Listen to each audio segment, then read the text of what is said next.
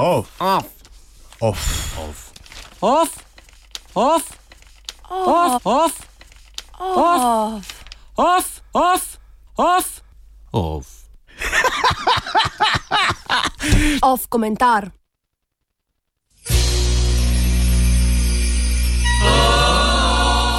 China, China, China.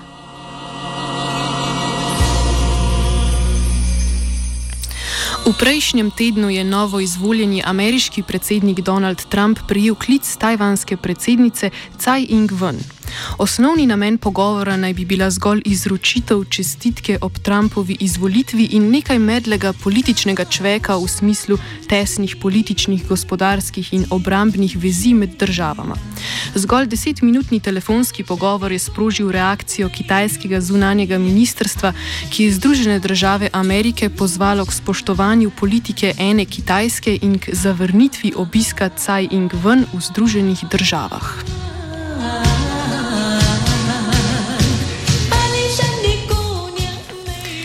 Le malo potem, ko je ameriški podpredsednik Mike Pence poskušal opravičiti predsedniški pogovor, čež da je šlo le za vljudnostni klic in da pogovor s tajvansko predsednico ne predstavlja signala za spremembo odnosa med ZDA in Kitajsko, je Trump posegal po svojem predvolilnem orožju. Tako je v svojem tvitu zastavil vprašanje, ali je Kitajska Združene države povprašala o tem, ali je v redu, da je devalvirala svojo valuto, visoko obdavčila ameriške produkte in na sredini Južno-Kitajskega morja zgradila vojaško oporišče. I don't think so, zaključi Trump. Podobno zgodbo pa je v nedeljo ponovil v intervjuju s Fox News, s čimer je potrdil, da je bil omenjen telefonski pogovor le uvertura v nadaljno zbadanje Kitajske.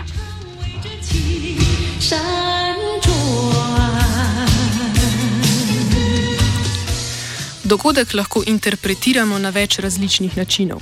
Prvič, lahko predpostavimo, da Trumpova zunanja politika temelji na improvizaciji in da mu manjkajo osnovni podatki o ustaljenih praksah vodenja ameriške zunanje politike.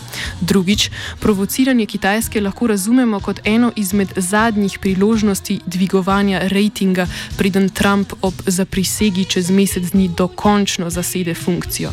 In tretjič, Trumpova provokacija je morda namirna. Lahko jo razumemo kot del večjega političnega načrta, s katero že nakazuje na poskus prevetritve dosedanjih razmerij političnih moči dveh najmočnejših gospodarskih sil na svetu.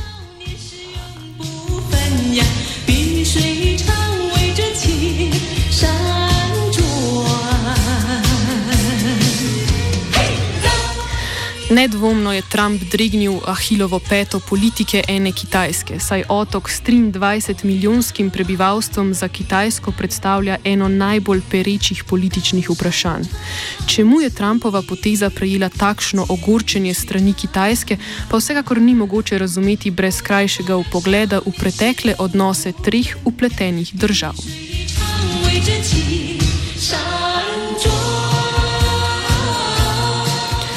Obstoj neodvisnega Tajvana, ki leži le 160 km vzhodno od kitajske obale, za kitajsko vlado ostaja spomin na nedokončano državljansko vojno. Je simbol neuspeha razširitve oblasti v vse regije, nad katerimi si Kitajska lasti ozemeljske pravice.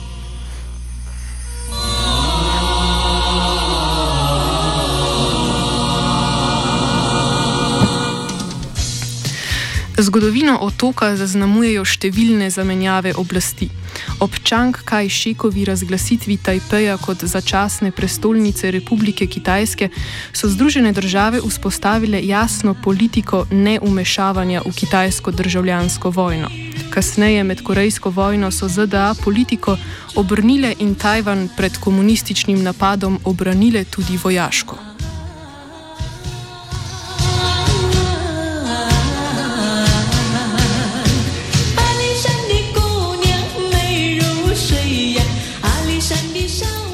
Tako se je v kontekstu hladne vojne razvilo intenzivnejše sodelovanje med ZDA in Tajvanom. Leta 1979 pa so Združene države vzpostavile tesnejše stike z Ljudsko republiko Kitajsko. Dogodku sta sledila tudi premik ameriškega veleposlaništva iz Tajpeja v Pekingu in prekinitev ameriških stikov s Tajvanom na najvišji ravni. Stari odnosi so bili tako zgolj potisnjeni v zadje, a ne v smislu intenzivnosti, temveč odkritega političnega sodelovanja in uradne potrditve tajvanske države.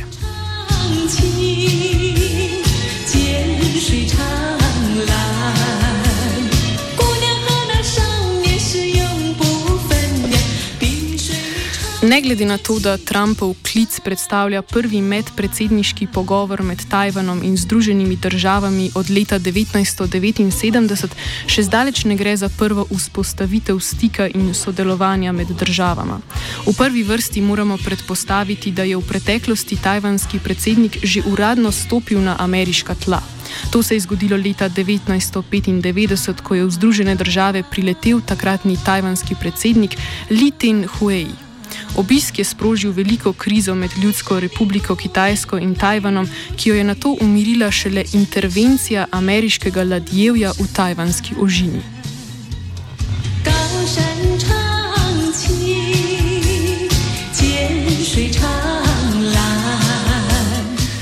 Kar zadeva ameriško-tajvansko sodelovanje, so Združene države samo v prejšnjem letu s Tajvanom opravile za slabih 87 milijard ameriških dolarjev poslov.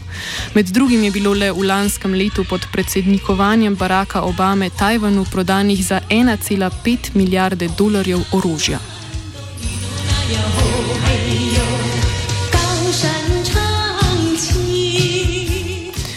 Tako lahko več kot upravičeno predpostavimo, da gre v tem odnosu za primer ameriške dvolične diplomacije, ki je tako rekoč ustvarila Tajvan, nadalje pa veliko prispevala k vzdrževanju statusa kvoti otoške države.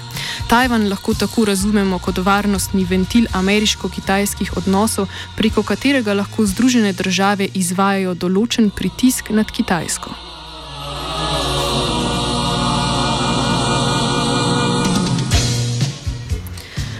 V preteklosti se je že večkrat izkazalo, da lahko Združene države posredno ali neposredno vplivajo na kitajski cilj priključitve Tajvana. Uspešna miroljubna priključitev bi nedvomno močno dvignila politični vpliv Kitajske. A predvsem miroljubna priključitev, saj možnost vojaškega posega poleg uničanja blaginje Tajvana ogroža tudi kitajske mednarodne odnose. Vsekakor pa možnosti vojaškega posega Kitajska še zdaleč ni izključila, kar je razvidno iz neprestanega razvijanja njene ofenzivne strategije na Tajvan.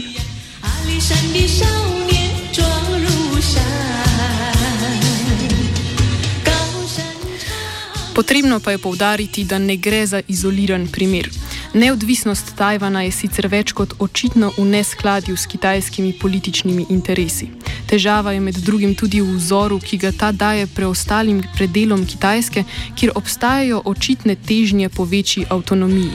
Zadnji odmevni primer prizadevanj za večjo avtonomijo je nedavni škandal z odstavitvijo dveh poslancev v Hongkongu, ki slednjega nista želela priznati za del Kitajske. To je sprožilo množične proti-kitajske proteste.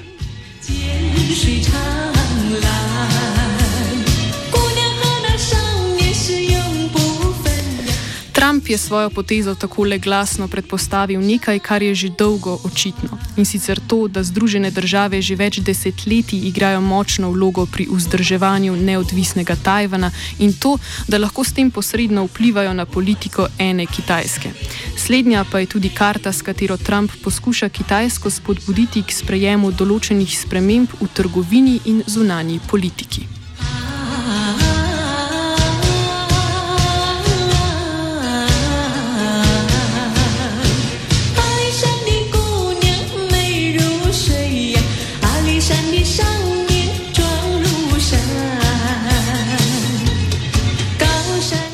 Komentiral je žiga.